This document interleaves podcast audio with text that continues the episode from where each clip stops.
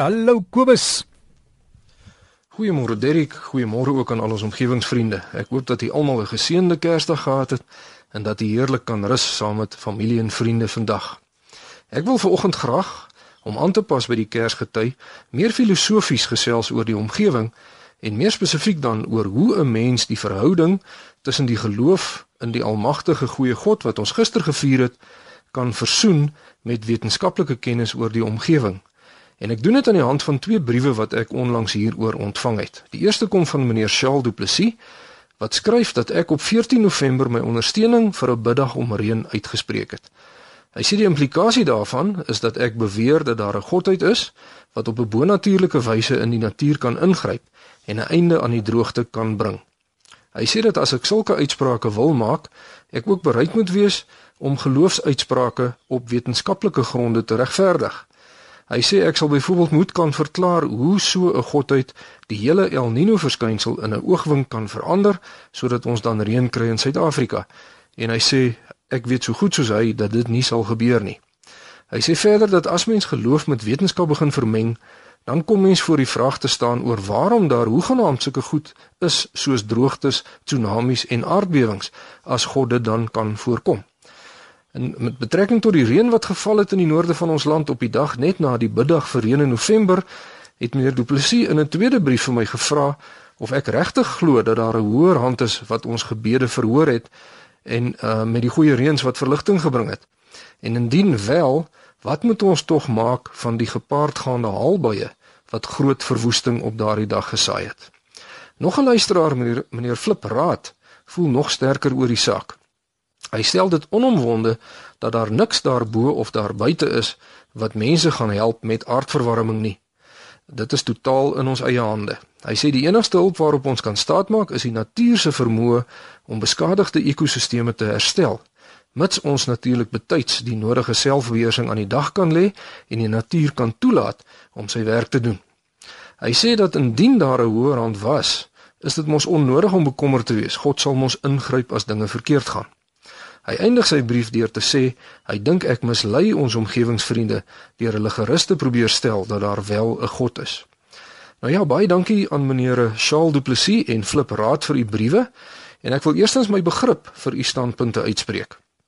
Alle mense wonder maar van tyd tot tyd oor hierdie tipe vrae en ek dink nie dat daar een enkele mens op aarde is wat klinkklare antwoorde hierop het nie.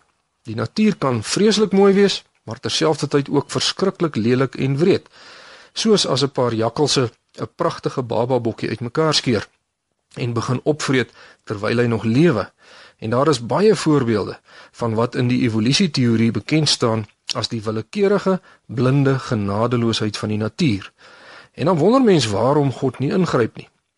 Nou hierdie vraag lê natuurlik aan die wortel van ons twee briefskrywers van vanoggend se standpunt, naamlik dat indien daar 'n goeie genadige almagtige God is, waarom is daar dan droogtes en tsunamies en reuse haalstene en die verskriklike wreedheid wat ons elke dag hier op aarde waarneem. Die saak is egter nog meer kompleks as dit, want ek het ook al in die verlede 'n hele paar briewe gekry van omgewingsvriende wat heeltemal aan die ander kant van die spektrum is. Met ander woorde, hulle lewe amper in 'n staat van ontkenning oor die moeilike vrae en hulle glo op 'n baie fundamentalistiese wyse aan die manier waarop hulle die Bybel interpreteer. Sulke mense sal byvoorbeeld sê dat die aarde nie miljoene jare oud is nie omdat dit nie is wat die Bybel sê nie. Nou hoe moet 'n mens probeer sin maak van hierdie komplekse saak? Waarom alles so is, het te doen natuurlik met die konsep van die sondeval, maar dit is 'n teologiese saak en ek is nie bevoeg om dit te bespreek nie, so ek gaan dit glad nie vir oggend aanraak nie. Wat ek egter wel kan sê vanuit 'n natuurwetenskaplike hoek, is dat ons moet onthou dat die wetenskap nie van jou 'n gelowige of 'n ongelowige mens maak nie. Geloof is 'n voorwetenskaplike oortuiging. En ons sien dit baie duidelik as ons byvoorbeeld kyk na Francis Collins en Craig Venter, die twee wetenskaplikes wat die menslike genoom ontrafel het. Hierdie twee wetenskaplikes het met presies dieselfde stel gegevens op presies dieselfde wyse gewerk en by presies dieselfde antwoorde uitgekom. Maar daarna heeltemal verskillende uitsprake daaroor gemaak.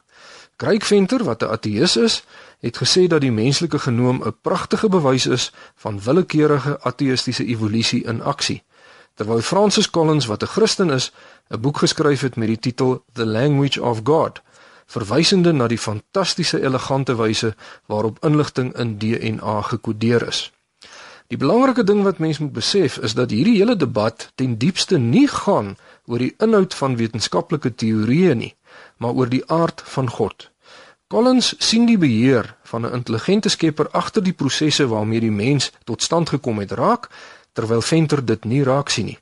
En die verskil tussen hierdie twee wetenskaplikes is dus nie geleë in hulle wetenskapsbeoefening nie, maar in hulle wêreldbeelde wat gevorm is lank voordat hulle met hulle wetenskap begin het. Nog iemand wat ons kan help om sin te probeer maak van hierdie saak is Isaac Newton, sekerlik een van die grootste wetenskaplikes van alle tye.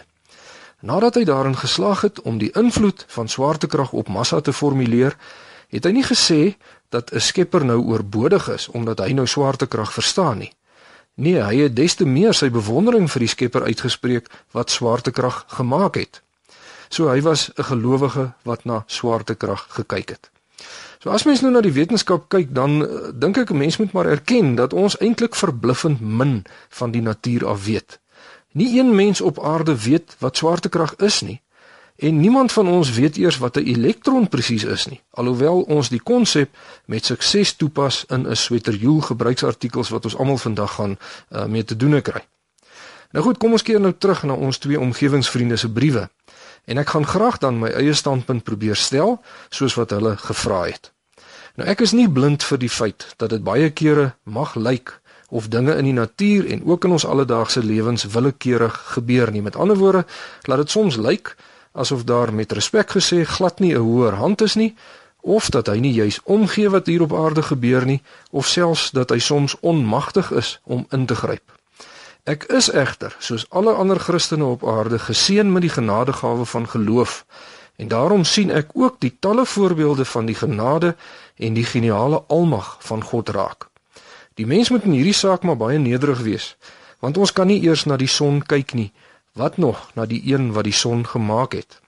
Duisende wetenskaplikes wat soos ek dink, probeer daarom 'n balans handhaaf tussen geloof en wetenskap. Met ander woorde, ons bid in die volle vertroue dat God sy kinders liefhet en dat hy op bonatuurlike wyse kan ingryp as hy sou wou. Maar terselfdertyd doen ons navorsing om te probeer leer hoe werk die natuur sodat ons ons opdrag as rentmeesters kan uitoefen om te heers oor die natuur. En dit is byvoorbeeld hoekom baie mense, baie Christelike wetenskaplikes stappe ondersteun om kweekhuisgas eh, vrystellings deur mense te verminder. Om af te sluit, daar gebeur elke dag wonderwerke op aarde en daarom bid ek graag met oortuiging saam met medegelowiges vir reën en ek glo dat indien God wil, hy wel kan ingryp en dit hier by ons kan laat reën ten spyte van wat die wetenskap oor El Niño sê. As dit dan nie reën nie, of as die reën met reuse haalstene gepaard gaan, dan gee ek nie voor dat ek verstaan wat aangaan nie.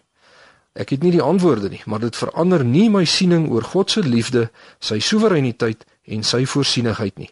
My siening oor hierdie saak is amper 2 eeue gelede al deur Ralph Waldo Emerson verwoord met die volgende spreek. En hy het gesê: "Alles wat ek kan sien, leer my om die Here te vertrou vir alles wat ek nie kan sien nie." En daarmee sluit ek vir oggend se praatjie af. Al ons omgewingsvriende, ek wens u 'n ge baie geseënde nuwe jaar toe en Derek, jy verjaar môre. Vir jou ook mag jy 'n wonderlike geseënde jaar beleef vol vrede, vreugde en geluk.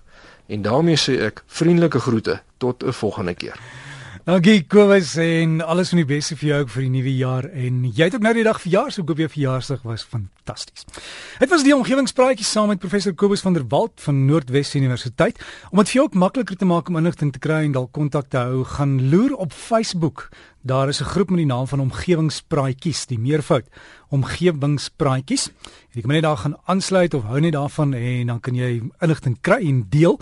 Maar as jy wil e-pos stuur is kobus.vanderwalt Kobus met 'n K, kobus.vanderwalt by nwu.ac.za. kobus.vanderwalt by nwu.ac.za.